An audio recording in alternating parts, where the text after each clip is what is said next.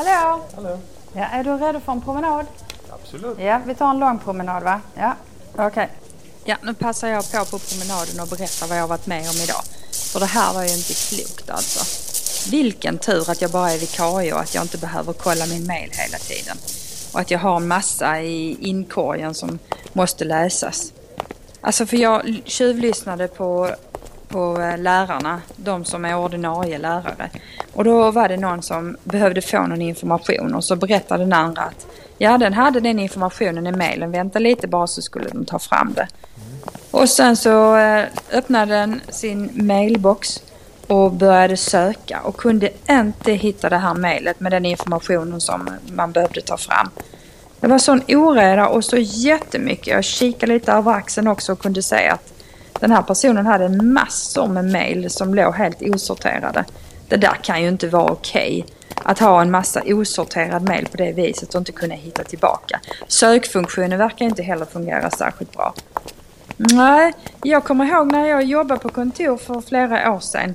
Då var det minsann så att eh, det var strikta regler på hur man skulle ha det. Man skulle ha Eh, dels så, när man hade läst mejlet så skulle det rensas ganska fort för det var personuppgifter som inte fick lov att vara där.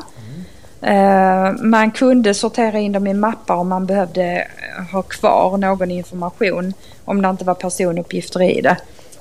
Då fick man ha koll på sina mappar. Sen var det ju jätteviktigt att när man fick ett mail så skulle det besvaras inom 24 timmar. Fast jag lärde mig ganska snart att jag behövde inte alltid svara med ett svar på den frågan. Utan jag kunde bara svara ja, jag har fått eh, ditt mail, jag återkommer eh, och sen så kanske ge någon tid på när jag skulle återkomma. Sen tyckte jag då på den tiden att det var jättejobbigt när det inte var någon signatur i mejlet. Det var jättesvårt att veta vem det kom ifrån. Så fick man eh, skicka tillbaka och fråga vem är du och hur kan jag hjälpa dig?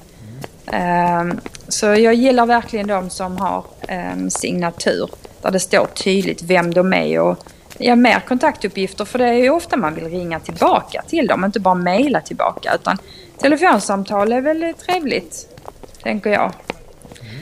Sen ibland kunde det dröja jättelänge, särskilt på sommaren var det ju besvärligt när man mejlade, uh, kommer jag ihåg. För folk var ju på semester. Så då gillar man om man får ett autosvar med när den här personen väntas tillbaka. Så slipper man gå och vänta och efterlysa ett svar hela tiden.